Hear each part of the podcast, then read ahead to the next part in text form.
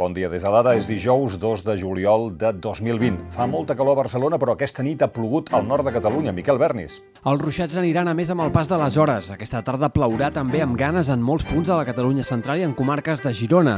El canvi de temps farà que aquest migdia sigui una mica menys calorós i demà la refrescada serà molt notòria. Un apunt d'aquesta matinada, hi ha hagut una operació dels Mossos d'Esquadra a la mina amb la intenció de desarticular una banda dedicada als robatoris amb violència. Però la principal notícia del dia és que el president Puigdemont crearà en breu el seu nou partit. Aquesta és la nostra portada d'avui. Els presos polítics del PDeCAT renuncien a la batalla interna i s'incorporaran a la nova formació de l'expresident que cridarà la militància del PDeCAT a sumar-s'hi. La Núria Oriols explica que els presos del PDeCAT van comunicar al president de la formació, David Bombaí, que no plantarà encara el Consell Nacional previst per aquest mes de juliol i van instar tots els associats a triar el seu propi camí. I el camí de Puigdemont seria presentar el seu eh, propi partit de manera imminent.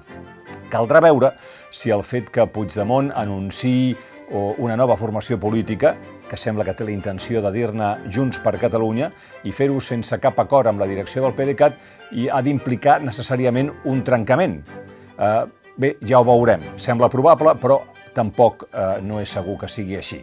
Diverses fonts consultades asseguren que el president Quim Torra vol anunciar eleccions a la tardor, octubre o novembre. Ell no està directament implicat en l'ordenació d'aquest espai, no se sent vinculant per tant, a, a com acabi, i al seu entorn diuen que eh, tant Puigdemont com el PDeCAT, com bon veí, han tingut molt de temps i han de solucionar-ho d'una vegada.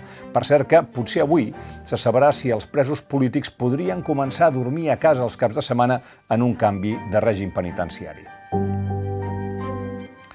I parlant de l'activitat dels partits, ahir hi va haver ple al Parlament, ple de la reconstrucció. Els partits de l'oposició li van demanar al president Torra que convoqui eleccions. El president, en aquesta sessió, que va durar tot el dia, va avisar que la situació financera de la Generalitat és delicadíssima.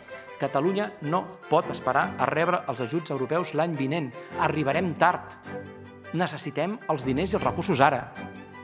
Els necessitem ja i naturalment confio que el president Sánchez no hi posarà cap obstacle i que farà la gestió en nom de Catalunya. No es podria entendre el contrari.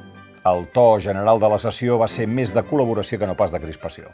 Nosaltres el que volem és ajudar i, per tant, des d'aquest punt de vista, una reclamació de més recursos no ens sembla aliena.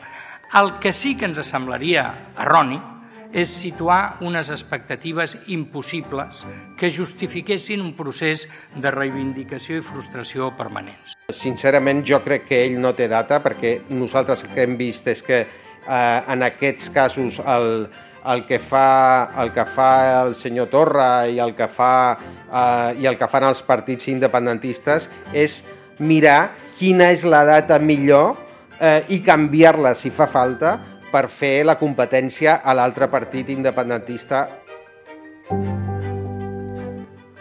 Sobre la pandèmia, el president Donald Trump ha fet realitat el seu eslògan d'Amèrica primer i ha acaparat l'estoc mundial de Remdesivir, que és eh, un dels dos únics fàrmacs efectius contra el coronavirus.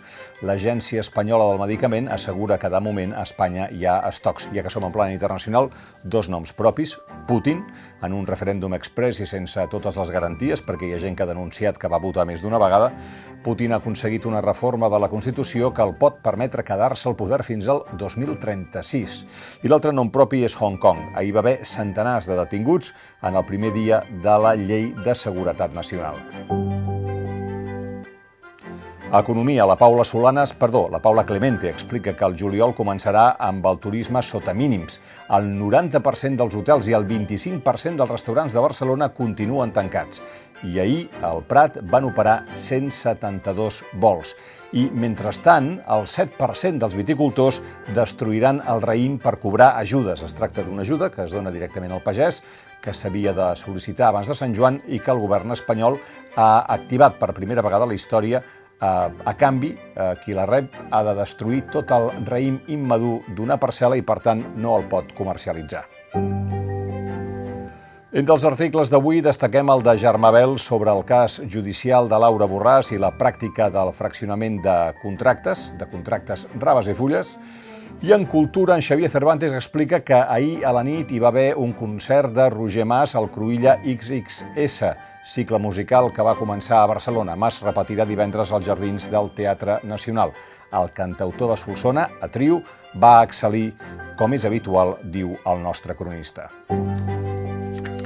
Als esports, el Barça ha acomiadat l'entrenador de l'equip de bàsquet, Svetislav Pesic, l'endemà de perdre la Lliga. Ara, el Barça intentarà tancar els pròxims dies el fitxatge de Sarunas Jasikevicius. L'entrenador lituà, exjugador de l'equip blaugrana, té un any més de contracte amb els Alguiris de Kaunas i té una oferta per marxar al Fenerbahce turc. I avui, a dos quarts de vuit del vespre, l'Espanyol jugarà contra la Real Societat a Sant Sebastià amb un peu a segona. Fins aquí les claus del dia. D'aquí uns minuts tornem amb l'anàlisi de l'actualitat.